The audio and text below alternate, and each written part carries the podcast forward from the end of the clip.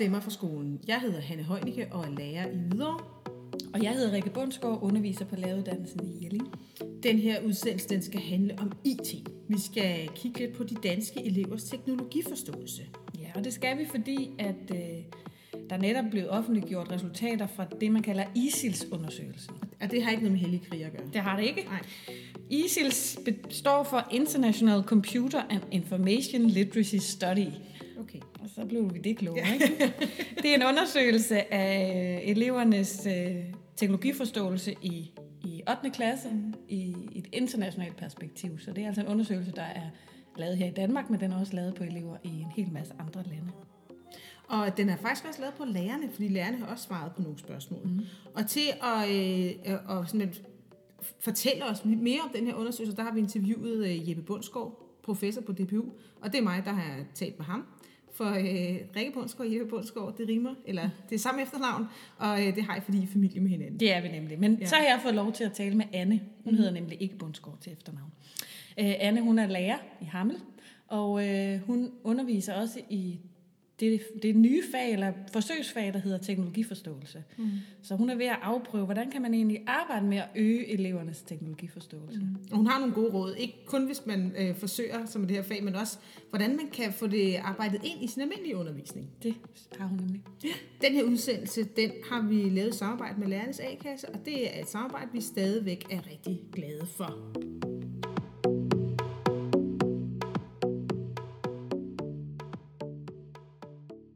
Jeppe? Yes. Ja. Øh, du har simpelthen i dit arbejde som professor, der, øh, på DBU, der har du været med til at kortlægge de danske elevers teknologiforståelse i den her store undersøgelse. Ja. Og det, øh, I har lavet den før? Ja. Så I har noget at sammenligne med? 2013. 2013. Og hvad måler den her undersøgelse ICLS egentlig? Ja, altså undersøgelsen målte i 2013 øh, computer- og informationskompetence, og yderligere i 2018 målte vi også computerinformationskompetence, og så det, som vi kalder datalogisk tænkning, eller på engelsk computational thinking. Øhm, og øh, med computerinformationskompetence, der forstår vi elevernes evne til at søge information, øh, håndtere information, dele information og producere information. Og det vil altså sige alt fra at søge på nettet og forholde sig til kvaliteten af de informationer, til at øh, producere for eksempel websites eller præsentations, præsentationer eller lignende. Mm. Øh, og det er både sådan, øh, kan man sige, skoleagtige ting, de laver i vores test, og det er sådan nogle øh, sociale, altså en af vores opgaver er sådan et socialt netværk, hvor de, hvor de arbejder på at dele informationer og invitere folk med til ting. Altså, så det ikke er kun, det er- det er ikke kun de faglige ting, det er også sådan deres færden på nettet generelt. Ja, altså det, det er sådan set, altså undersøgelsen er defineret som en undersøgelse, der forsøger at undersøge, om eleverne kan bruge det, de har lært. Øh, ikke øh, om de har lært det, som er i faget. Så på den måde er det et tværfagligt projekt. Okay. Så, og, og, og den ene del var jo som som sagt det her computerinformationskompetence, og den anden del det er så det, vi kalder datalogisk tænkning, som består i, om man kan øh, kan sige, omsætte den virkelige verdens problemstillinger til noget, som kan automatiseres af en computer, øh, og hvor man så altså også selv kan øh, til en vis grad automatisere det gennem øh, programmering. Helt specifikt igennem sådan visuel øh, programmeringsværktøj eller, eller Scratch, som, som nogen kender. Og det er en international undersøgelse, ikke? Jo, det er det. Det er en international undersøgelse, hvor der er 12 lande og to øh, byer med. Mm. Øh, så, øh, og, og blandt andet øh, er vi jo optaget af at sammenligne os med Finland for eksempel, som, øh, som er med i undersøgelsen, og Tyskland, øh, som også er med i undersøgelsen. Øh, og så er der nogle andre, som er meget forskellige fra de danske øh, sammenhæng, øh, som, som jo bare er interessant at, at se på. Men vi prøver ligesom på at fokusere vores sammenligninger med, med de to lande, som er USA, øh, hvor, hvor der er jo sket rigtig mange af de her ting omkring datalogisk tænkning, særligt i de senere år. Mm. Og hvad er det så egentlig, de danske elever er rigtig gode til? Jamen altså, øh, de, de danske elever klarer sig rigtig godt i den her undersøgelse. Øh, faktisk så godt, så, øh, så der ikke er nogen, der klarer sig lige så godt som dem. Nå, Øh, ja, det var, det var da dejligt. Ja, men det er jo, hvis man ser det sådan, som sådan en konkurrence, så, så vandt vi. Nej, ej, men det, det er der mange, der gør, vil jeg sige. Ja, ja, det er der måske, men jeg synes, altså, Øh, det, men det vigtige er jo ikke så meget, om, om vi vinder over lige de her tilfældige 11 lande. Det vigtige er, øh, om, om eleverne kan det, som, øh, som de skal kunne. Mm. Og altså, som sagt, i computerinformationskompetence, der, der klarer de sig bedst, og i datalogisk tænkning, som vi jo ikke har som et fag øh, endnu, altså vi har de her det forsøgsfag, teknologiforståelse, øh, men, øh, øh, men de elever, som, som vi har testet, gik i 8. klasse i 2018, og der vil sige, der har de ikke haft lejlighed til at, at tage det fag selv, hvis de var en af forsøgsskolerne. Mm. Men i datalogisk tænkning øh, klarer eleverne, de danske elever, så på niveau med øh, de sydkoreanske elever, som heller ikke har faget, øh, og bedre end de andre deltagende lande, som heller ikke har faget. Så man kan sige, det, det er et, et udtryk for, at danske elever er, har et godt udgangspunkt for at, at udvikle deres datalogiske tænkning, mm. som jo altså er mere end det at kunne programmere. Det er jo også at, ligesom at kunne se øh, nogle nogle mønstre og nogle strukturer i noget i, i den virkelige verden, som man kan sige, hvordan kunne vi ligesom beskrive det på en måde, som efterfølgende kan, der kan gøres noget ved en computer. Så det går, man kan sige, det, i den forstand, så er det en, så er det en succes øh, for, for Danmark og det danske skolesystem. Mm. Altså øh, væsentligt bedre end, end nogle af de lande, som vi sammenligner med, altså som for eksempel Tyskland og, og også i USA. Mm. Øh, så, øh, men kan man se, at vi, at vi er blevet bedre siden 2013? Ja, altså øh, som sagt, så, så undersøgte vi også i øh, 2013 computer- og informationskompetence, og der øh, scorede eleverne i gennemsnit, eller fik eleverne i gennemsnit et resultat på 542 point, hvor det i gennemsnit i 2018 er 553. Og, øh, og det er sådan en, det er en ikke ubetydelig forbedring, kan man sige, øh, over tid. Øh, og den er signifikant, det vil sige, der er, der er ikke tale om statistiske tilfældigheder. Det er mm. øh, efter al sandsynlighed noget, der faktisk er sket. Altså at, at 8. klasserne i 18 er bedre end 8. klasser i 13 mm. til de her computer- Altså det her med at kunne søge på nettet og øh, selv at producere information og dele den øh, i sociale netværk osv. Mm. Øhm, og, og de andre lande, som de lande, som også deltog i 13 og som også deltog i 18, øh, blandt andet Tyskland og Sydkorea, de er altså ikke blevet bedre i den samme periode. Så der er sket noget interessant i, øh, i Danmark her, øh, som, øh, som vi jo så kan prøve at diskutere, hvad det, hvad det kan være, der kan være årsag til det. Ja, for det er jo meget vigtigt at finde ud af, hvad er det egentlig, der er blevet gjort, altså, ja. så man kan holde lidt fast i det. Men, men der må vel også være noget, øh, de danske skoleelever er lidt udfordret i? Ja, altså øhm, det er da klart, og det, det er sådan set, øh, altså den, den, den test, som vi har lavet, muliggør, at man kan beskrive, øh, hvad det vil sige at være god til noget, og hvad, der så, hvad man så ikke er god til, hvis man, hvis man ikke scorer et givet point.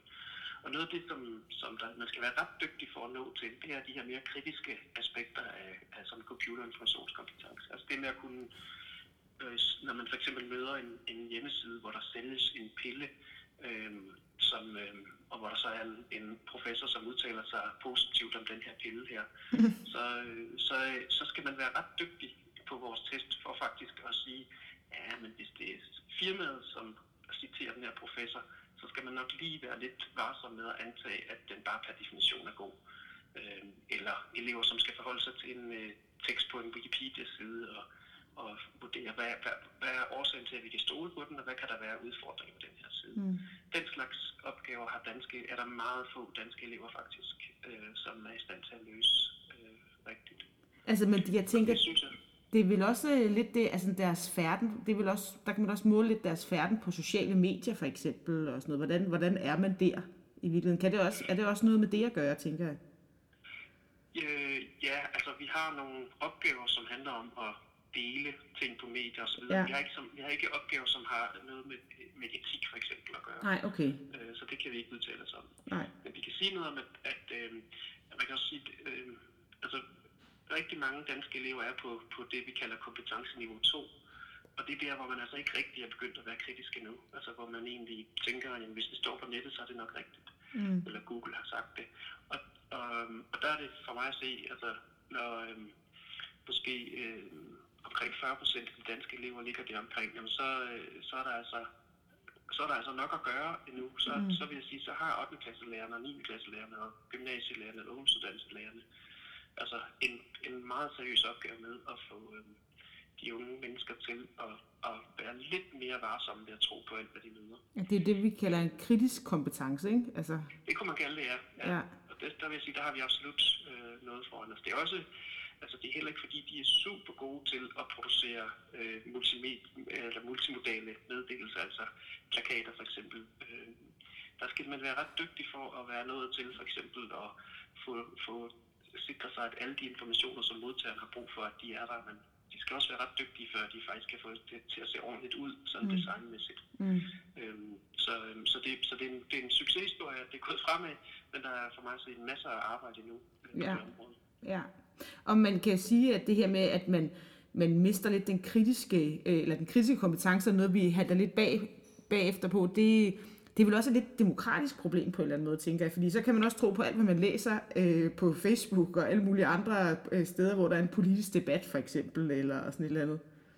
Ja, jamen det er helt klart, og jeg vil ikke sige, at vi halter bagud. Altså, jeg lavede en undersøgelse på, på 13 dataene, hvor jeg prøvede at se, hvad har danske elever særligt svært ved, og det er faktisk nogle af de tekniske, eller nogle af de øh, kritiske ting her, som danske elever har forholdsmæssigt mere svært ved end andre deltagende lande, og på den måde kan man sige, at vi handler bagud. Men det er jo noget, der gælder på tværs af landet, at de kritiske aspekter af de her kompetencer, de kommer ret sent i udviklingen. Mm. Men det er helt klart, at det er, en, altså det, at det er helt afgørende, at vi øh, tager den del af undervisningen meget mere alvorligt i historie, i samfundsfag og i dansk fag, hvor de tre fag har, har som skrevet ind i deres faglige mål, at, at kritisk kompetence er noget, der skal, der skal læres. Men tilsvarende jo også i, i man kan sige, de mere de fag, som som ikke har informationskompetence som mål, men naturfagene og matematik, jamen det er jo også noget, hvor man virkelig kan, øhm, kan manipulere med ting, øh, hvis man er interesseret i at, at påvirke opinionen, øh, eller man kan få folk til at blive overbevist om nogle sandheder, som ikke er sande.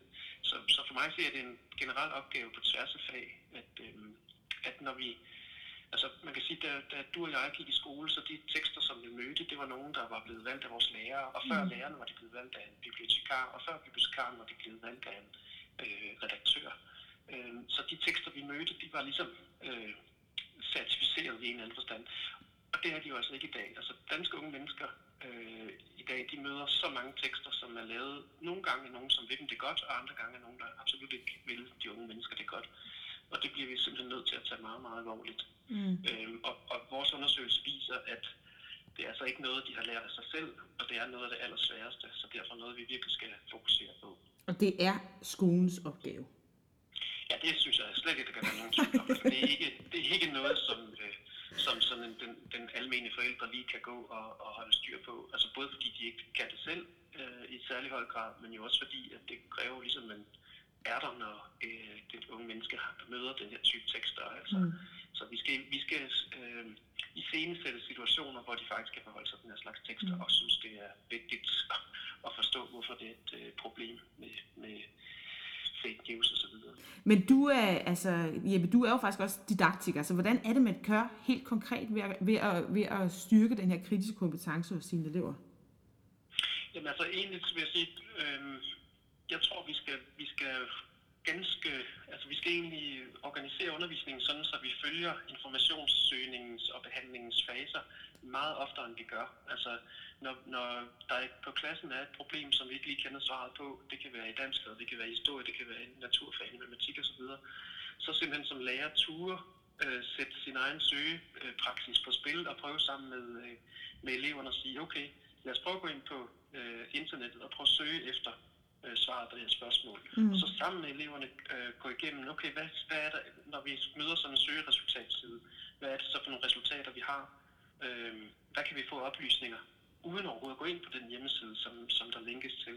Mm. Øh, så vi altså læser søgeresultaterne sammen, og vurderer, hvad er det for en type side, kan vi stole på det, der står, kommer til at stå på den her side. Og når mm. vi så kommer ind på siden, jamen, så skal vi også langsomt sammen med eleverne øh, tale om, hvad er der et tegn på, at det her det er en troværdig side? Hvad er der et tegn på, at det måske ikke er en troværdig side, en der ikke ved tilstrækkeligt til at udtale sig om det? Eller hvad for nogle interesser har den her øh, person eller virksomhed, som har lavet den her side? Mm. Og, så, så min pointe er sådan set, at vi skal lade øh, undervisningens andre øh, begivenheder bestemme, at hov, nu er det faktisk et meget passende tidspunkt at lave en, en informationssøgningstræning. Mm. Og det skal man altså gøre så mange gange. Ja. Øh, altså alle os, som bruger nettet til hverdag, vi ved, hvor, hvor meget det betyder, at man faktisk har, har trænet sig til det. Altså det, det er så vigtigt, og det er vigtigt at, at træne det og reflektere over det. Altså Mm. ikke at tro, at eleverne de er, øh, fordi de er digitalt indfødte, så kan de bare det der. Mm. For det kan de altså på ingen måde. Nej. Nej. Og det er jo også, øh, det, det er jo når jeg sidder her og taler med dig, så dukker der jo helt vildt mange eksempler op i mit eget hoved på øh, Facebook-grupper, hvor jorden er flad pludselig, og at man deler nogle gange nogle artikler, som er flere år gamle, som så pludselig florerer rundt, og man tænker, det her det er helt nyt, og hvad vil, altså, gud nej, altså, eller, øh, altså, det jeg tror jeg, alle mennesker har på en eller anden måde også eksempler på. Ja. Altså, når man sidder. Øh, nu, altså vi kunne snakke om det her i tusind år, og jeg synes virkelig, det er interessant, men der er også en anden øh, perspektiv, der er super interessant, og det er det kønsmæssige perspektiv, fordi der har I faktisk Ja. opdaget noget meget interessant. Ja, ja altså øhm, i både computer- og informationskompetencer og datalogisk tænkning, der er klare, altså i, i computer- og informationskompetencer, der er pigerne lidt bedre end drengene i vores test, og i datalogisk tænkning er de cirka lige gode. Mm. Men, men øh, ved siden af, ved øh, det, testen, så har vi så et spørgeskema.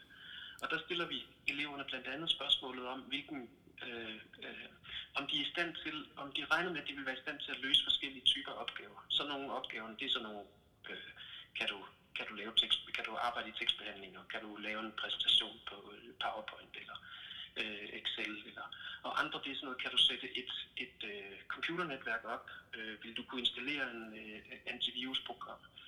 Og der, når, man, når vi så prøver at analysere de her øh, spørgsmål, så kan vi ligesom se, at der viser sig to grupper, man kalder det indeks eller faktorer, øh, som ligesom er tegn på, at der bagved, altså i os ligger en, på den ene side en, en, en kompetence til, eller en selvforståelse, tiltro til, at vi kan løse mere øh, typiske øh, øh, informationskompetenceopgaver, og så den anden faktor eller indeks, det er så det, vi kalder de øh, tekniske øh, opgaver. Og det interessante er, at, at til de sådan basale øh, informationsopgaver, jamen der er drenge og piger, de har nogenlunde samme tiltro, øh, som ligger lige lidt over gennemsnittet for det internationale øh, niveau. Så de har tiltro til sig selv. Men når vi ser på det tekniske, altså det her med at sætte et øh, netværk op, eller installere øh, antivirus eller programmere, så er drengene øh, omkring det gennemsnittet i Danmark, altså de danske drenge ligger omkring mm. det internationale gennemsnit, og de danske piger, de er de, dem, der har mindst øh, tiltro til egne evner til de her tekniske ting af alle de deltagende landes, både piger og drenge. Og det synes jeg er mærkeligt.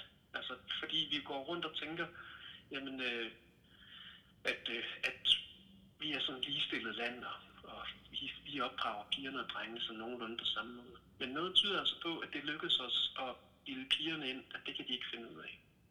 Og tilsvarende, når vi spørger dem, øh, om de kan se sig selv i, i en fremtid med IT, altså kunne du forestille dig et arbejde, hvor IT vil fylde meget, eller vil du have en uddannelse, som indebærer noget med IT? Danske drenge omkring gennemsnittet, danske piger kun overgået af Tyskland i og overhovedet ikke at kunne se en fremtid øh, med, med IT. Og igen, så øh, synes jeg, det er tankevækkende, og jo også problematisk, fordi vi har nok brug for, at, øh, at mere end bare det ene, øh, den ene halvdel af vores unge mennesker øh, synes, det er interessant.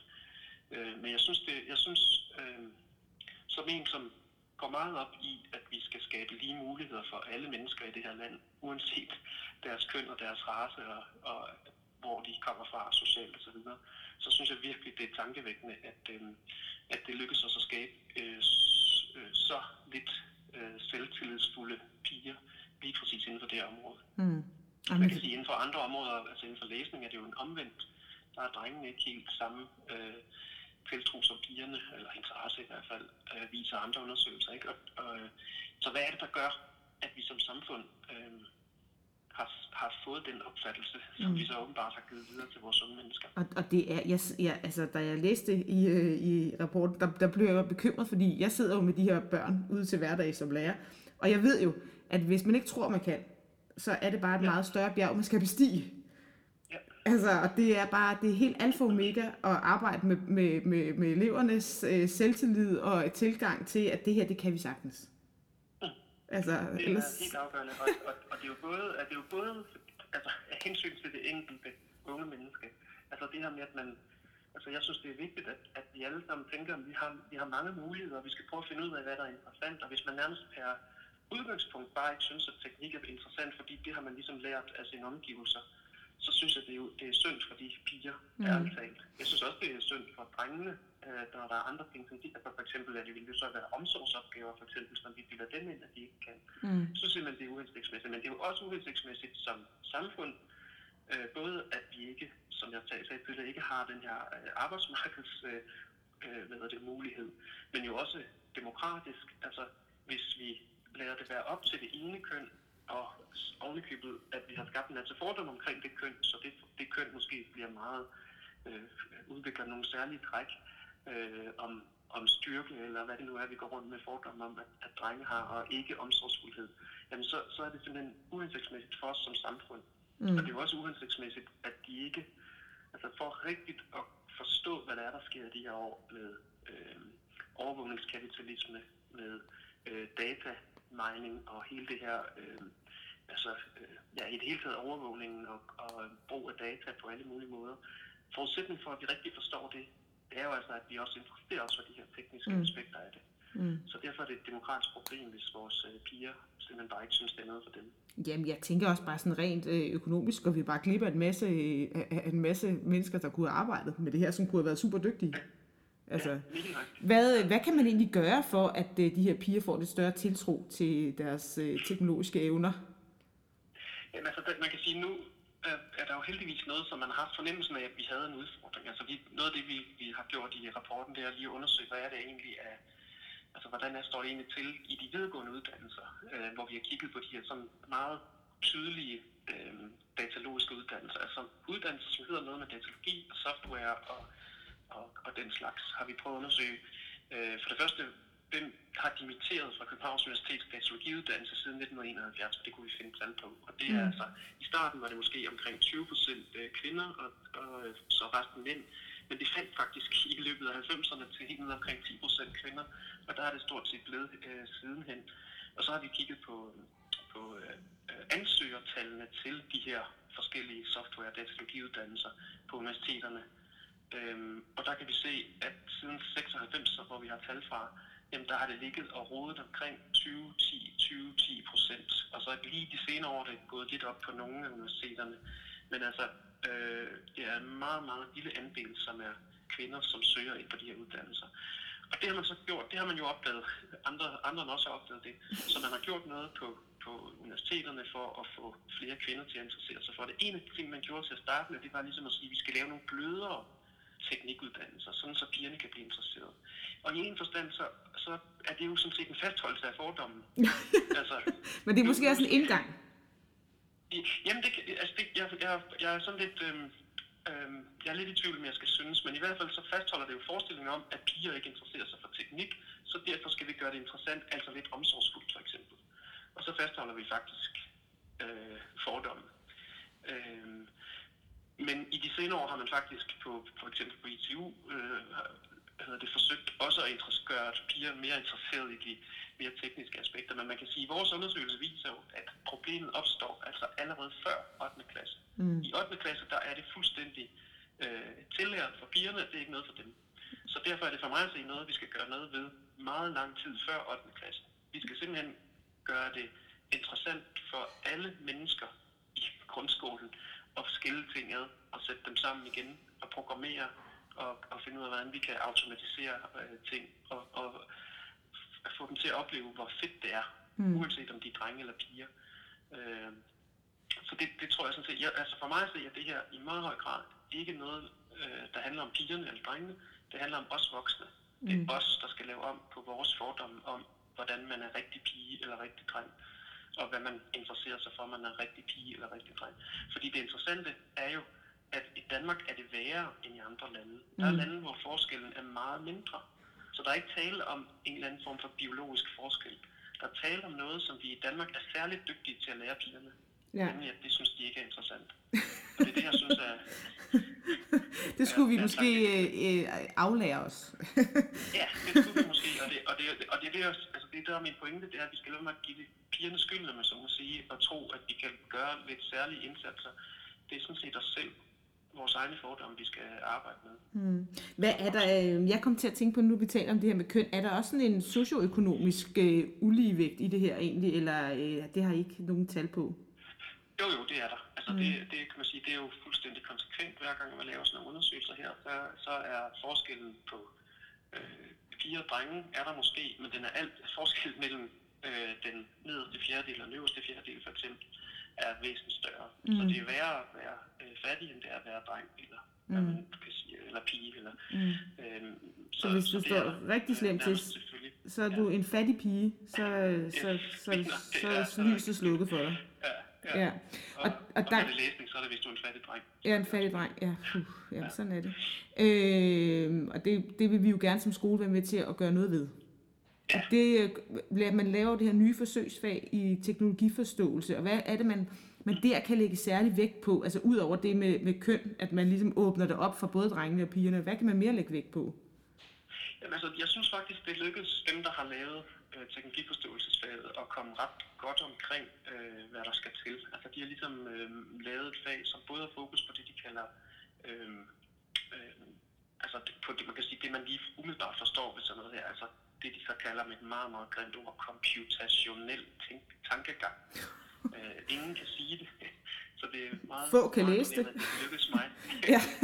Men du er også professor, Jeppe, så det er derfor. ja, ja, nej, jeg, jeg, vi bruger netop begrebet datalogisk tænkning, øh, fordi det er et dansk øh, begreb med gode rødder.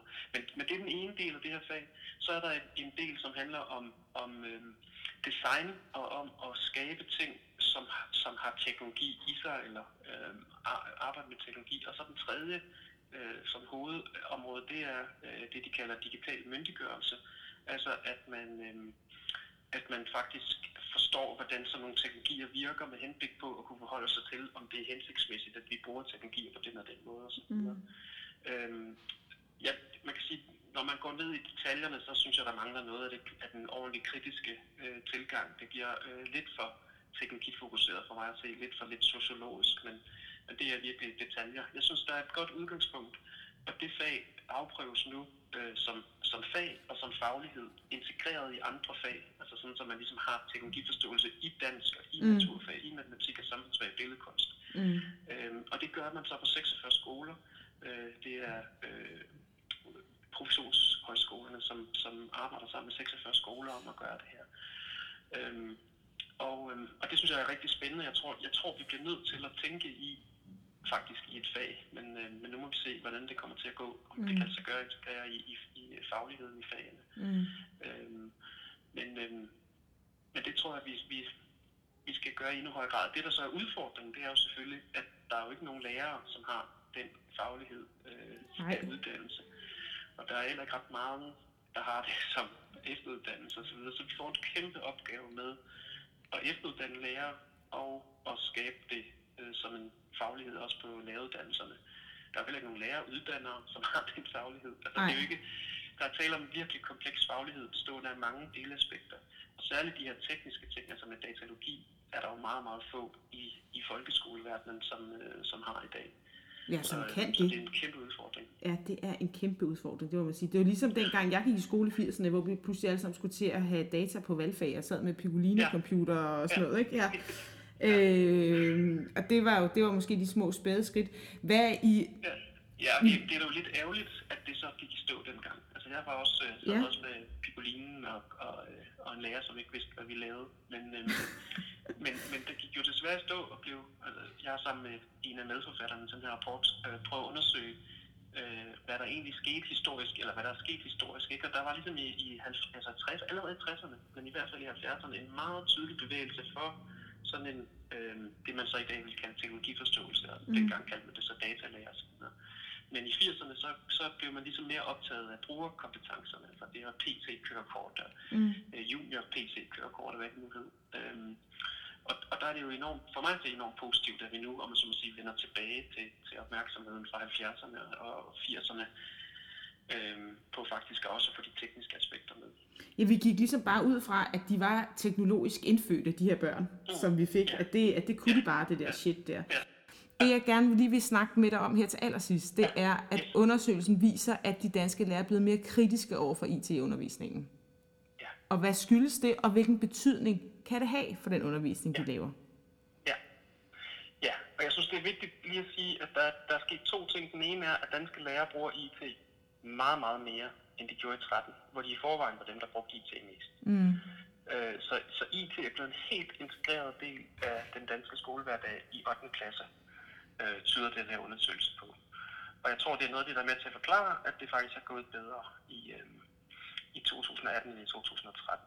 Mm. Men samtidig med, at de så bruger IT meget mere, end de gjorde i 13, hvor de var ret positive over for IT, og, og nærmest ikke kunne se nogen negative ting ved det, så er de i 2018 cirka lige så positive, men noget mere negative. Og, øh, og det er jo interessant.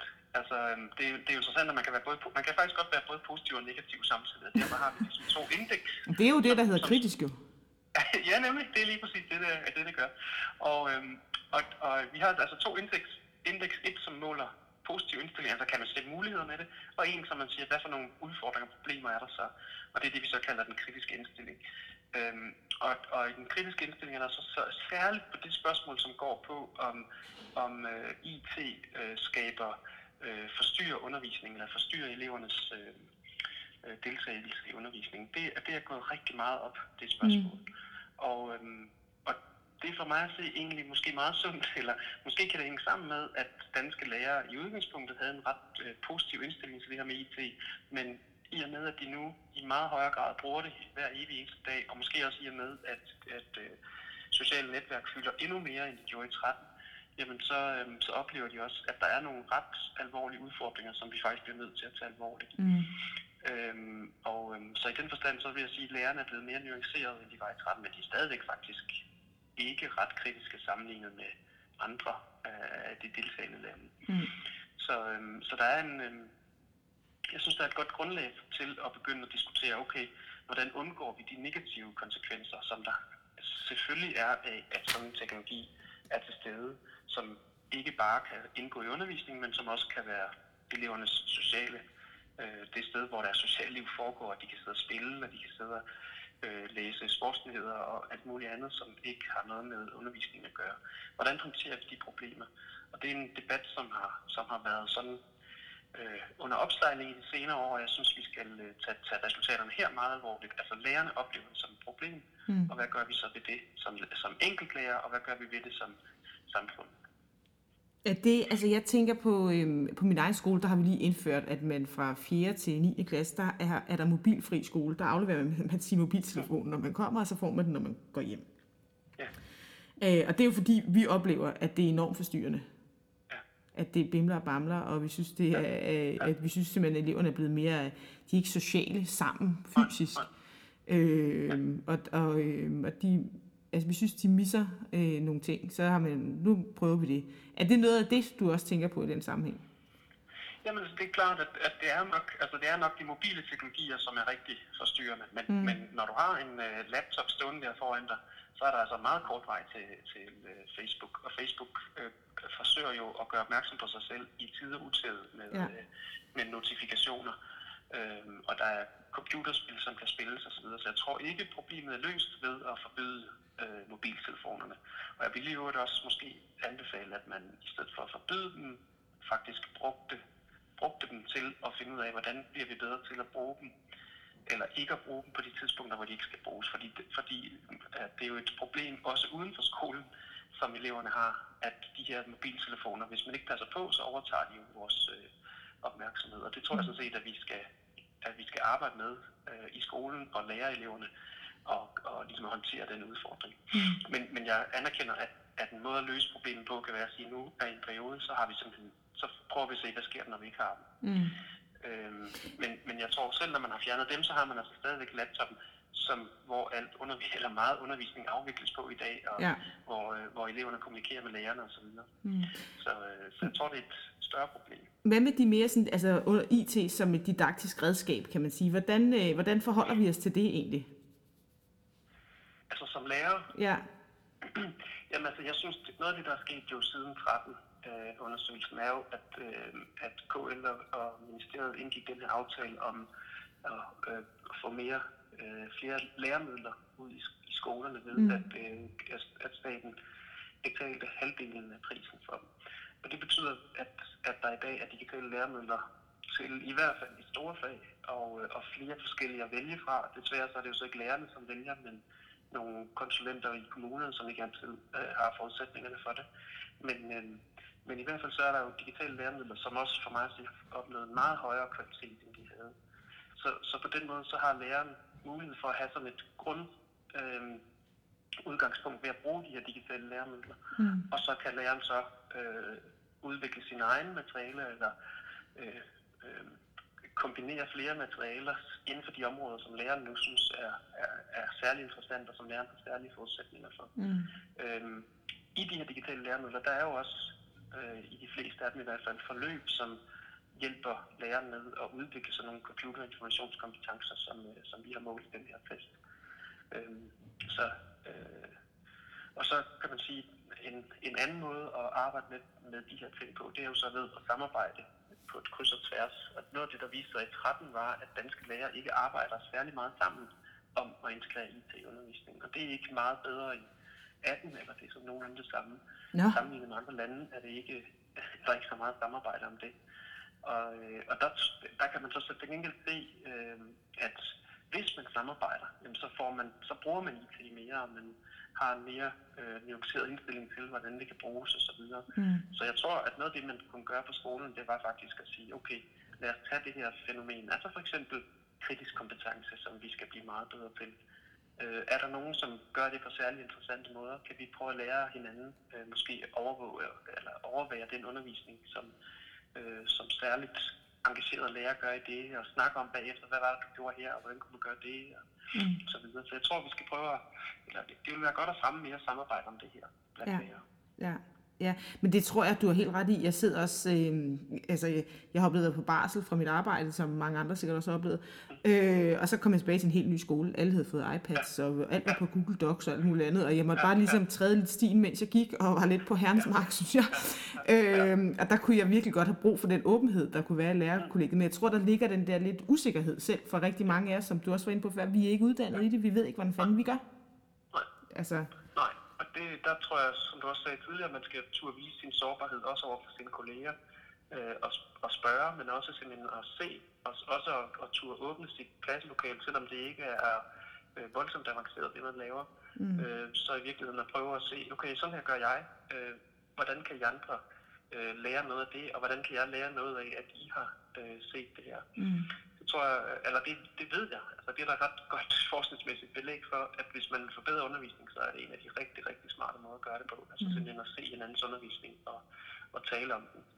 Øhm, ikke, ikke, at se, ikke nødvendigvis at se den helt perfekte ekspert, der gør det, men faktisk at se nogen, som er okay til det, og, og, og heller ikke den anden vej. Altså heller ikke sådan, at der kommer en ekspert ind og sidder og fortæller dig bagefter, hvad alt det, du gjorde forkert. Mm. Men altså, og, og egentlig sådan forholdsvis øh, ligeværdige kolleger, der ser hinandens undervisning og sparer med hinanden på baggrund af det. Mm. Mm. Ja, det, du er ikke den første forsker, vi har talt med, som siger det her til os. Så der er nok noget om det. Ja. Men uh, Jeppe, det er hermed en opfordring, der er givet videre til alle de tusindvis af kollegaer, jeg har ude i landet, der sidder og lytter til det her. Tak fordi, at uh, vi måtte uh, ringe op. Nu skal vi tale med en lærer, der simpelthen underviser det her teknologifag. Det bliver spændende at høre, hvad hun har at sige. De her resultater af ISILS-undersøgelsen viser jo både en masse positive ting, en masse, der går godt med, men også, at der stadig er nogle områder, vi skal arbejde videre med. Mm. Og for at finde ud af, sådan, få nogle konkrete bud på, hvordan kan man egentlig gøre det, så har jeg talt med Anne Maratti, der er lærer på Søndervangsskole i Hammel. Øh, hun er også IT-vejleder, og så er hun øh, med i det her forsøgsfag teknologiforståelse. Det vil sige, at hun afprøver, hvordan kan man lave et fag, og for hendes vedkommende i indskoling, der, er, der øger elevernes teknologiforståelse.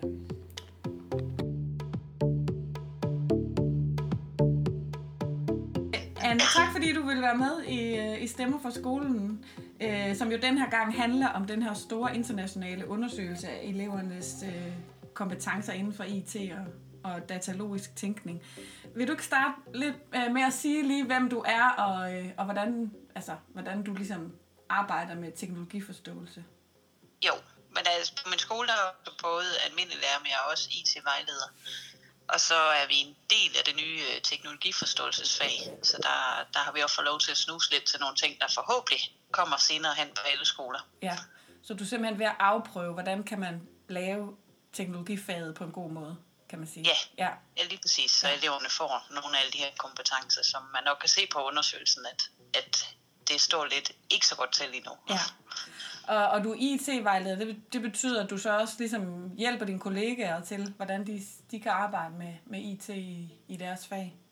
Ja, Ja, det gør jeg. Så det er sådan pædagogisk IT-vejleder i virkeligheden. Ja, det er, ja. det er rent pædagogisk. Ja. Endelig ikke noget praksis. Nej, okay. Det, Nej. nej okay.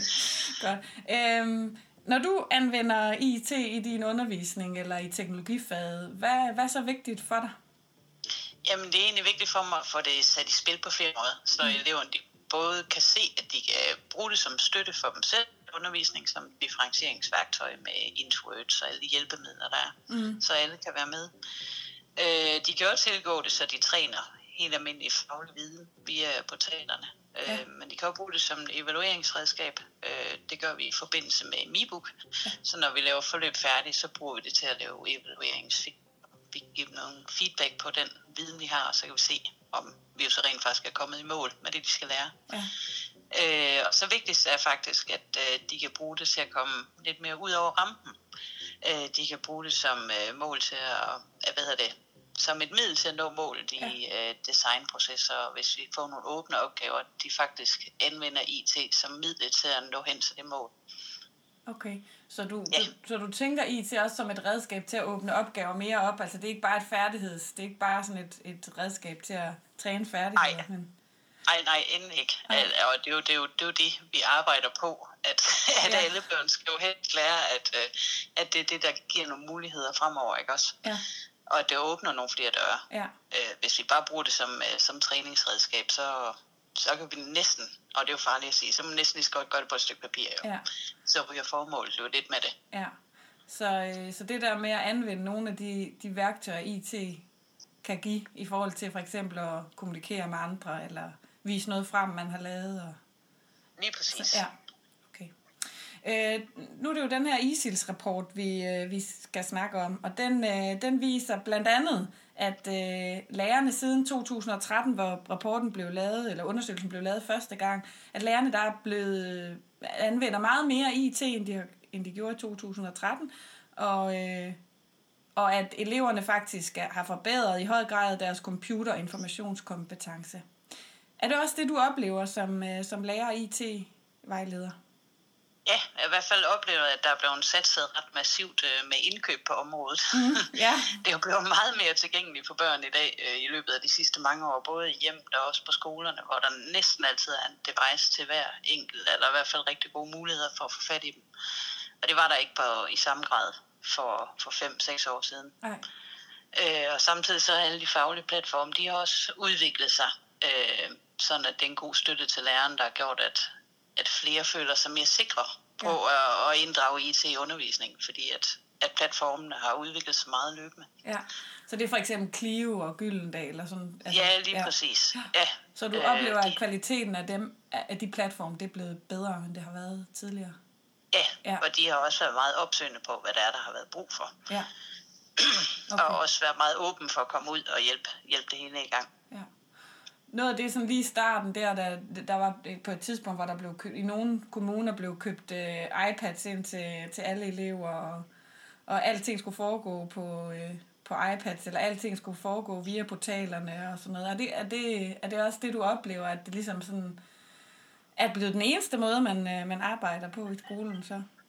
Nej, det synes jeg ikke. Nej. Altså, der, der, der er stadigvæk variation i undervisningen, ja. heldigvis også. Ja, Øh, fordi ellers kan det andet jo blive lidt for meget. ja, Men altså, der er blevet en større fokus på, at eleverne ikke bare skal være brugere af IT, de skal producere med IT. ja, Så det er stille og roligt gået hen og blevet, det er ikke bare noget, vi tager med ind, fordi det skal vi. Men det er blevet noget, vi har taget med ind, fordi at det faktisk er endnu et middel til at nå det mål, vi gerne vil ja, med okay. børnene. Ja, fordi det er meget sjovt, øh, undersøgelsen viser jo også, at danske lærere er blevet mere kritiske over for Ja. IT i undervisningen, samtidig med, at de faktisk anvender det mere.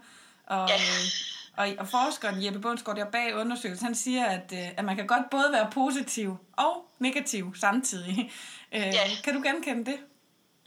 Øh, ja, altså der, altså, det, der står i undersøgelsen, er jo faktisk, at de mener, at IT distraherer Ja, mere, end præcis. det gavner. Præcis. Og jeg tror, jeg tror, det hænger sammen med, at lærerrollen den er faktisk også ved at ændre sig. Ja, Fordi at øh, førhen har det været lidt vores rolle at vide, være sådan lidt alvidende og have de rigtige svar. Og hvad hedder det? Øh, oh, øh, I forhold til, til, øh, til eleverne. Ja. Øh, men nu, nu er det blevet øh, mere noget med, at nu skal vi faktisk også ud på dybt vand.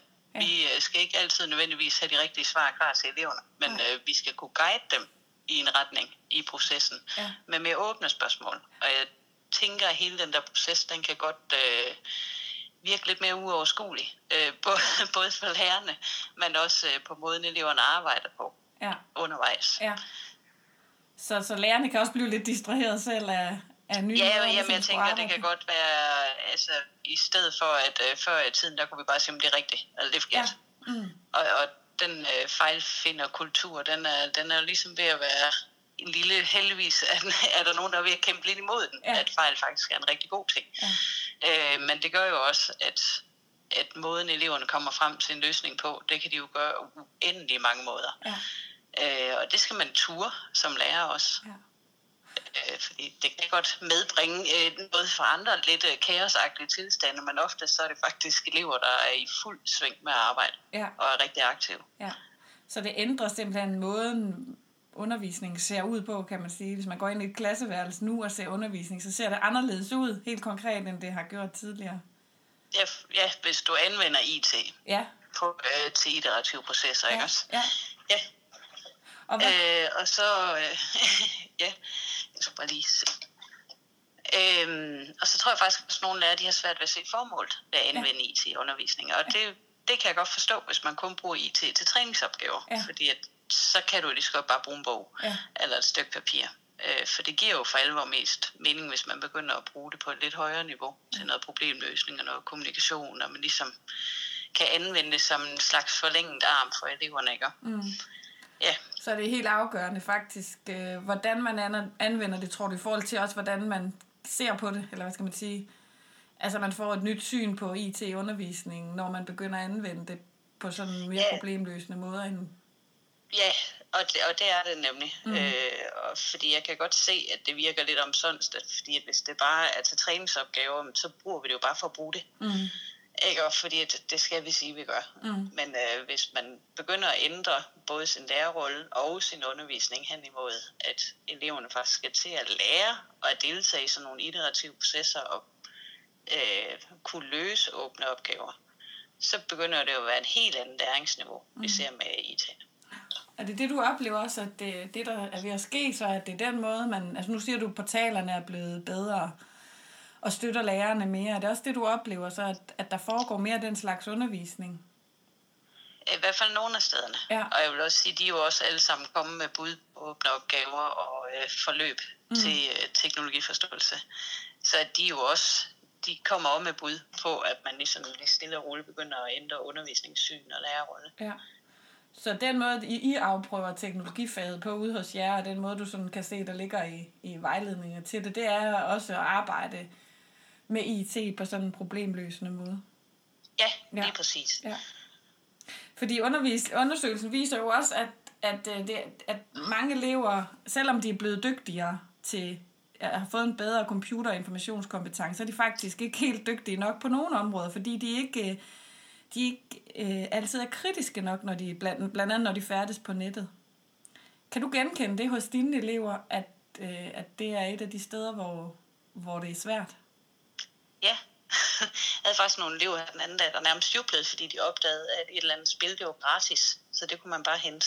Ja, okay. Øh, og der, der er rigtig mange børn, der, der ikke ved, at, at der er ikke noget, der er gratis. Nej. Prisen den er bare ikke særlig gennemskuelig for dem. Ja. Øh, så, så det er selvfølgelig et rigtig vigtigt område. Det er faktisk også kompetenceområderne inden for teknologiforståelsesfaget. Det er digital myndiggørelse, Ja, øh, som netop sigter, at børnene de skal udvikle deres evner til at vurdere de her digitale genstande, så de gennemskue både hvad muligheder kan jeg få ved at bruge det her, men er der også nogle konsekvenser ved det. mm. Altså giver jeg noget for at anvende det her, øh, selvom det i teorien ikke koster penge, ja. så man betaler med noget helt andet. Man betaler med sin data jo, ikke? Ja, og hvordan, hvordan, kan man, hvordan kan man arbejde med det? helt konkret? Altså, det er vel ikke nok bare at sige det, vel? Nej, øh, det kræver, ja, men altså, det er jo svært, ikke? Ja, fordi at, øh, det, er jo, det er jo en meget stor snak at have, og den, vi har den jo med indskolingsbørn, så det kan godt være Ja. lidt svært at omsætte. Ja. Men øh, for eksempel i de ene af prototyperne, der bruger vi en øh, spilside, som faktisk på papiret er gratis jo. Mm. Øh, så der har vi jo selvfølgelig snakket om, øh, om de har oplevet, om der er andre spil, der er gratis, og det har de fleste af dem jo. Ja. Øh, og så har vi snakket om, hvorfor det nødvendigvis ikke er en god idé. Og om de har opdaget, at nogle reklamer, de ser et sted, men de dukker lige pludselig op et andet sted. Fordi mm. at det hele snakker sammen. De egentlig har spillet noget af deres data for at få lov til at indgå på de her sider. Ja. Øh, og det åbner oftest øjnene for en del, der lige pludselig godt kan se en sammenhæng. Og det kan man godt forstå også, når man er indskolingselev. Det kan man faktisk Ja, godt. ja. Så oplever du, når I har haft nogle af de her samtaler, I har arbejdet nogle af de opgaver, at de bliver mere kritiske eller for, eller for øje på, på noget, som de ellers ikke ville få øje på? De begynder i hvert fald at lægge mærke til mere. Ja, Altså, vi har også, ja, det er jo selvfølgelig ikke lige inden for det kritiske, men bare sådan noget som snak om, at der er noget, der hedder en sensor. Mm. Ja, lige pludselig får de øjnene op for Gud, der er der jo også i Bilka, når vi går ind ad døren, ikke? ja, ja. At øh, hele samfundet er jo faktisk digitaliseret på Ja. en eller anden måde. Så det er den der bevidsthed, I træner i virkeligheden, om at s- Ja, det se er det noget et nemlig. sted eksemplarisk, og så opdage, at det faktisk er... Øh, Ja, der er, det dukker steder. faktisk op flere steder for Ja. ja. dem, og så kommer de lige og prikker. Min fars bil har også en sensor. Kan Ja. den godt have det? Ja, Ja. det kan den. Ja. ja. og når de spiller Fortnite, så skal de lige pludselig også til at betale for noget derinde, selvom de Ja, kommer gratis ind. lige præcis. Ja, Ja. Øhm, fordi jeg tænker, det er jo et af de områder, i hvert fald også jeg som lærer har oplevet, det der, at, at det kan være rigtig svært, ikke? for det kræver jo også, at læreren selv, kan man sige, er kritisk. Altså vi, vi færdes jo også på nettet, og kan vel nogle gange også øh, blive manipuleret med og snydt og, og alt sådan noget. Altså oplever du, at vi, at vi som lærer er, hvad skal vi sige, uddannet til at, at kunne håndtere det her, eller, eller tænker du, det Øh. kræver noget ekstra af os? Jeg tænker faktisk, det kræver lidt mm. noget ekstra. Mm. Og når det nye fag forhåbentlig bliver en del af alle skolers hverdag, så øh, er det også vigtigt, at, at alle lærere bliver uddannet i de her fire kompetenceområder, hvordan man for eksempel går ind og arbejder med digital myndiggørelse. Ja, Og der kan man sige, i hvert fald her i forsøgsfaget, der har vi jo været rigtig, rigtig godt støttet af, at der sidder nogle øh, fagprofessionelle, der sidder og hjælper med at lave forløb, ja. som vi giver noget feedback på. ja. Og kommer, tror du, de, nogle af de forløb kommer til at blive tilgængelige for, øh, for andre lærere? Ja. Det gør de. ja. Det gør de. Så, så der kommer til at ligge ligesom noget, man kan starte med? Ja, der kommer til at ligge noget. Ja. en, øh, en hel bank Ja. med, med færdige forløb, ja. For det er jo lige pludselig noget helt andet, ikke også, end at lære og analysere en, øh, en skønlitterær tekst, eller øh, at lave... Det er det nemlig. Ja, fordi lærerrollen den kommer ja. til at... Den ændrer sig ret radikalt. Ja, ja. Lige pludselig så skal det handle om noget, der er i, i virkeligheden også, ikke? Og som vi Ja. andre også kan, kan blive mødt med. ja, og kan falde i Ja, også, ikke? præcis, præcis.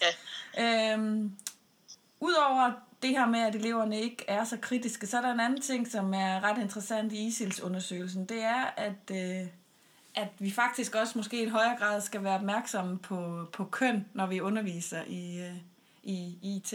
Eller måske skal vi være i mindre grad opmærksomme på køn. Det viser i hvert fald, at, øh, at pigerne de har meget lidt tiltro til deres egne evner, når det kommer til sådan de tekniske aktiviteter på computeren.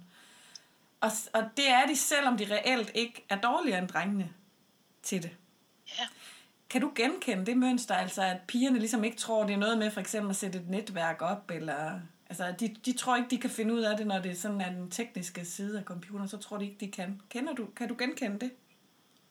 Jeg tror lidt, det hænger sammen med den måde, vi har drevet skole på Ja. i lidt for mange år nu. Mm. At, fordi eleverne kommer faktisk i, i, i forhold til det, jeg lige tror på, der kommer de faktisk i skole med en nysgerrighed og medfødt evne til problemløsning. Mm. Men vores undervisning har bare i rigtig mange år været præget af, at du skal enten finde, at du skal finde et rigtigt forkert, og hvis du ikke har det, så er forkert. Mm. Og det gør du oftest på en stillesiddende måde. Ja. Øh, og når vi så kommer frem til, det er jo 8. klasse det her, Mm. Nu skal de jo lige pludselig til at ud på dybt vand igen, fordi vi gerne vil finde frem til den måde, de var på en gang, som vi egentlig har omskolet dem i. Mm. Øh, så jeg tror egentlig, det genererer en del usikkerhed for pigerne. Ja, og hvorfor, tror Og du, jeg tror- hvorfor særligt for pigerne? tror fordi du? de er rigtig gode til at tilpasse sig det andet system. Mm. Okay. Og, og det har drengene måske ikke været. Nej. Øh, og det er jo sådan en fordel for dem nu, ja, ja, det kan man sige. kan man sige. Ja. Ja. Men tror du også, det Øh, kan hænge sammen med måden, hvorpå vi ligesom, som, altså, hvad vi forventer af dem?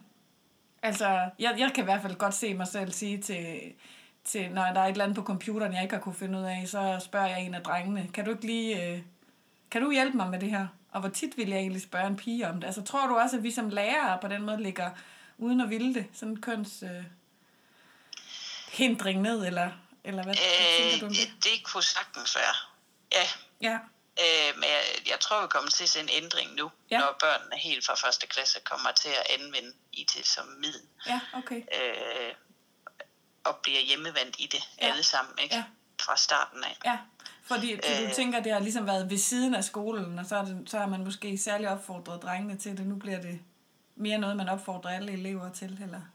Ja, Ja. lige præcis, så alle, ja. alle bliver inddraget i det. Ja. Ja. Men jeg tror også, at hele den fejlfinderkultur, at man skal faktisk lære at lave fejl, det er faktisk en helt vildt god ting. Ja, ja, Fordi det er jo det, der fører, fører hen til alle, alle de store opdagelser. Ikke? ja, Øh, der tror jeg bare, der er rigtig mange piger, der er bange for at lave fejl nu. Ja. Fordi at øh, man har altid fået at vide, at det skal være rigtigt. ja, Øh, og der bliver bare nogle flere løsningsmuligheder nu. ja, okay. Så det er det der, du vender lidt tilbage til den der nye type undervisning, men også nye lærerrolle, så, ikke? Altså, Ja, så det også jo. kan påvirke øh, det her. Ja. Spændende. Jeg synes i hvert fald, det er en af de steder, hvor man sådan kan blive lidt forskrækket også, ikke? Hvor man kan sige, jamen kan det virkelig passe, at, at piger på en eller anden måde øh, slår sig selv så meget oven i hovedet med noget, som slet ikke er sandt, ikke? Altså fordi... Jamen, det er jo det. Det er jo det, der er lidt vildt, ikke? At undersøgelsen i virkeligheden viser, at de ikke er dårligere, men de går bare og tror det. Ja, det tror det bare. Ja, og det er særligt her i Danmark. Så det, det, øh, men det er jeg glad for at høre, at du tænker, at det, det faktisk med teknologifaget kan, kan, være, kan være noget af det, der, der ændrer sig. Det tror jeg i hvert fald. Ja. Øhm, nu, øh, når du er vejleder her på din skole, og når du arbejder med det her teknologifag, så, så, øh, så er jeg inter- interesseret i at høre, hvordan, hvordan tænker du, at andre lærere kan blive lige så dygtige som dig til at, til at undervise i det, her, i det her fag eller i det her område? Altså udover at de kan bruge de her portaler, eller den her bank, som, øh, som, som du siger, der er ved at blive, blive samlet. Øh, hvad, hvad kan man, hvordan kan man sådan hjælpe hinanden til, til at undervise i et område, man egentlig ikke nødvendigvis er uddannet til fra læreruddannelsen? Øh, Jeg tror i hvert fald bare generelt, at man skal nytænke sin rolle i undervisning. Ja. Øh, og man skal ikke føle sig utryg, selvom man ser en teknologi ind, selvom man ikke har 100% styr på den. Øh, fordi det gør, at ting bliver valgt fra hen ad vejen alt for meget. Ja, Øh, det tænker jeg faktisk er rigtig vigtigt, at man skal ture og kaste sig ud i det. Ja. Ja. Fordi det er faktisk den største hurdle. ja. Og gøre noget andet, Øh, end man og- plejer. Ja, Ja. ja. ja lige præcis. Ja. Og det er måske ikke noget, du har fuldstændig 100% styr på, og du kan måske ikke svare på alle spørgsmålene, og du er måske ikke heller ikke helt sikker på, hvilken retning øh, undervisningen går i, fordi alle eleverne er i hver deres retning, Ja. ja. på vej deres vej, ikke? Ja. Ja. Øh, men det er jo faktisk oftest en positiv ting, fordi at, at de er i gang med en god proces. Ja, Øhm, men det vi har haft mest succes med, det er i hvert fald øh, har været, hvis vi som vejleder har kunne været med inde i undervisningen, enten som underviser, mm. så Mhm. læreren har været der og se, det lige kunne gribes an, eller bare være i lokalet, Ja. hvis der er, der er noget, der driller, sådan Ja. at man bliver så solgt. Åh, jeg kunne ikke lide det, du røg lige ud der den sidste sætning, du sagde. ja, ja, i hvert fald, at, at, at man er inden for rækkevidde, hvis Ja. man har brug for hjælp. Ja, okay. Øh, og så har vi også lavet workshops med lærerne, hvor, øh, hvor der har været tid til at producere noget, de kan bruge i praksis. Ja, Så okay. de faktisk går, går fra workshoppen klædt på til at lave noget i undervisningen selv. Ja, okay. Så du har flere roller som vejleder, kan man sige. Altså, både Ja. du selv kan stå der og være den, man kigger på, men, men du kan også være til stede i rummet og give feedback bagefter. Ja, lige præcis. Ja, okay. Øh, fordi vi jo også som lærer har tendens til at udstyre eleverne med, med det rigtige svar, eller sige, I skal gøre sådan her, Mm. i stedet for at guide dem i retning til, at de selv finder deres svar. Ja, Øh, så det er noget, der er meget fokus på, Ja. men det er også noget, der tager lang tid at ændre. ja. Ja, fordi det er sådan, man skal se på sig selv og på undervisning og på eleverne på helt nye måder. Ja, Ja. ja. lige præcis. Ja. Kunne man gøre det uden IT, tror du? Altså den type undervisning, er den ligesom, kan den kun være til stede, fordi vi har IT som redskab? Eller, altså hvad kom først? Forstår du, hvad jeg spørger om? ja, altså jeg tænker, øh, selve det at arbejde med iterative processer, det kan du sagtens gøre uden IT. Det kan mm. du også gøre med beton og sugerør og lim og pap. Mm. Øh, og så skabe et produkt ud for det. Men øh, IT gør bare, at, at svarmulighederne de bliver større. Mm. Og måske også mere avanceret. Og det motiverer os bare elever på en anden måde. Ja. At de for eksempel kan kode en mikrobit til at lyse, hvis det er et trafikproblem i byen, de skal løse. Ja. Øh, så. så det bliver mere virkelighedsgjort. Ja. Så både, både, det kan både motivere, at det bliver mere virkeligt, og det kan også være en forudsætning for at kunne begå sig så bagefter ude i den der virkelige Jamen, verden, det, hvor spil ikke er gratis. Ja, og, og, ja. Lige præcis. Mm. Og det er jo det, vi skal tænke på, når ikke alle måske lige kan se et formål med, at vi skal bruge IT i undervisning. Vi har faktisk også nogle børn, vi skal gøre klar til et samfund, som vi ikke helt ved, hvad er. Ja. Under folkeskolen, ikke også? Ja. Og der, der er det jo i hvert fald nogle kompetencer, de skal have for at kunne begå sig. Ja. Både at være kritisk i forhold til det her IT, men også at kunne anvende det ja. som et middel til at nå det, de gerne vil. Ja.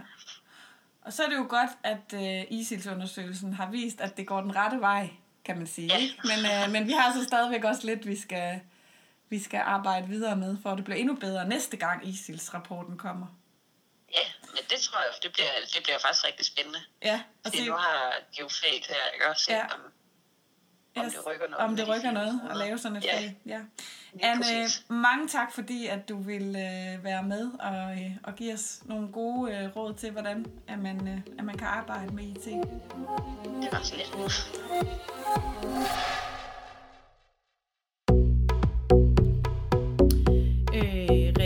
Af det, som øh, jeg har taget med, med mig fra arbejdet med den her undersøgelse, det er faktisk, at øh, vi, vi har talt om at oprette nogle kvoter på, ude på mit arbejde, nogle kønskvoter simpelthen. Ja. Fordi vi har et, øh, et lille projekt kørende, hvor at bedsteforældre og deres børnebørn skal sidde på, øh, på fritten om eftermiddagen og kode sammen. De skal lave nogle små øh, programmer. Øh, og der blev vi talt om, om vi ikke skulle prøve at reservere nogle pladser til pigerne, mm. og prøve at gøre noget opsøgende arbejde for, at pigerne også kom med. God idé. Ja. Det synes jeg er en rigtig god idé, for jeg tror, vi er nødt til at indse, at der skal gøres noget, hvis vi skal lave om på nogle af de der mm. forestillinger, vi har om køn, og vi mm. på en eller anden måde putter ned over kø- pigerne og over drengene. Ikke også? Ja, og som samfund går vi bare glip af rigtig meget, fordi mm. vi har også brug for kvindelige IT-ingeniører. Ja, og det er jo helt vildt, at den her undersøgelse viser, at pigerne kan det samme som drengene, men de tror ikke, det kan. Mm. Mm. Ja. Så er øh, der også det altså, lærernes kritiske holdning til IT, og jeg tror hurtigt, vi kan det beskæftigede vi også faktisk med i vores sidste podcast om pauser, at det her med, med mobiltelefoner og sådan noget, kan have en ret forstyrrende effekt i, øh, i undervisning. Og det tror jeg, at det, det oplever alle lærere. Ja. Altså. Ja. Og det er, det er noget, man skal være kritisk overfor. Ja. Og, men så er spørgsmålet, det diskuterede du også lidt med Jeppe, skal det så helt forbydes med de her mobiler, eller, eller kan man gøre noget andet? Mm for at hjælpe os til ikke at blive så distraheret. Ja. Men der er også noget andet, at man måske som lærer er blevet lidt mere kritisk i forhold til det indhold, der er i den uh, IT-undervisning, der foregår. Uh, at vi ikke bare skal bruge iPadsen til at lave træningsopgaver, ja. for eksempel. Ikke? Det er jo noget, det Anne i hvert fald sætter spot på, ikke? at mm. IT det ikke bare i sig selv giver en god undervisning, men det, det handler om også, hvordan man bruger det, hvordan man arbejder med det. Mm. Og at det er en helt ny lærerrolle, der skal i spil, og en helt ny måde at kigge, måske for nogen i hvert fald, en ny måde at kigge på undervisning på. Det er en ny måde for mig. Ja. Jeg er ikke en IT-ørn, og øh, da vi to gik i gang med det her podcast, noget, der, der var vi heller ikke podcast-ørne. Nej, det var vi ikke. eller lydredigeringshajer, eller noget som helst andet. Vi gik bare i gang. Og det håber vi egentlig lidt, vi kan inspirere vores øh, lærerkollegaer til ude, ude i landet til at sige, I kan også bare gå i gang med IT-undervisningen. Mm. Ja, og så brug hinanden, ikke? Mm. Altså, brug jeres IT-vejledere, som er på skolerne, men øh, brug også hinanden. Gå ind og se hinandens undervisning og være, være åbne. Og... Mm. Og IT er et super godt øh, værktøj. Nu underviser jeg ikke i naturteknologi, men det er et rigtig godt værktøj i alle mulige andre fag, til at eleverne kan udtrykke sig mm. og, og formidle noget af den viden, som de, som de får. Ja, ikke? At det giver dem et indhold og lære rigtig meget om stenalderen, fordi de skal lave små undervisningsfilm til andre om stenalderen. Så det er ret motiverende. Ja. Øh, jeg synes pointen om også, at når man arbejder med IT, så er man nødt til at gøre det på sådan en virkelighedsnær måde. Den er mm. ret vigtig. Ikke? Og det er man både fordi det kan motivere, men jo også fordi det, der undersøgelsen viser er et problem, det er, at eleverne ikke er så gode til at anvende IT mm. øh, kritisk. Mm. Og der er man simpelthen nødt til at inddrage nogle virkelige øh, eksempler. For eksempel det her andet eksempel med, at, at der er ikke noget, der er gratis. Ja, spillene, ja, hvordan, opdager, hvordan ja. oplever du, opdager du som, som ung eller som mm. barn, at, øh, at øh, du er lige ved at blive snydt, når du Ja, får noget. jeg kom faktisk til at tænke på os, øh, da vi var børn, de der kuponhæfter. Kan du Mm, huske det, man fik jo. med posten? Jo. Og så kunne man øh, tabe sig 10 kilo ved at handle stik rundt om maven, Ja, og øh, præcis. man Jamen, kunne få øh, kashmirsfætter og sådan noget. Og det var sådan, man sad og grinede af. Ikke? Ja, ja. Øh, der var også nogen, der hoppede på det, fordi Ja. ja. ellers var det ikke blevet sendt rundt, de der kuponhæfter. Nej. Men i virkeligheden, så er det at tage det elektroniske kuponhæfte ved at kigge på annoncerne på Facebook, for eksempel. ja, Ikke? præcis. Kig Og med det sine vælter elever ned på det. over os, ikke også? Det vælter ned over os. Helt vildt. Og pointen om, som jeg også talte med Anne om, at vi lærer, vi er også nødt til at øve os i at være kritiske. Mm. Jeg tænker, at det, det, skal, det skal også fylde noget på læreruddannelsen. Øh, Ja. at, øh, det kræver faktisk en del af os alle sammen, ikke kun af elever i 8. klasse. Så Ja. der er lidt at arbejde med på baggrund af den her Ja. undersøgelse, men der var heldigvis også en masse positivt, og noget, som det går bare meget bedre med. Det er jo også dejligt. Mm. Ja, vi har meget kunne være stolte af. Det har vi nemlig. Ja, her i verdens bedste folkeskole. øh, men øh, tak fordi I lyttede med. Det var Stemmer for skolen for denne gang.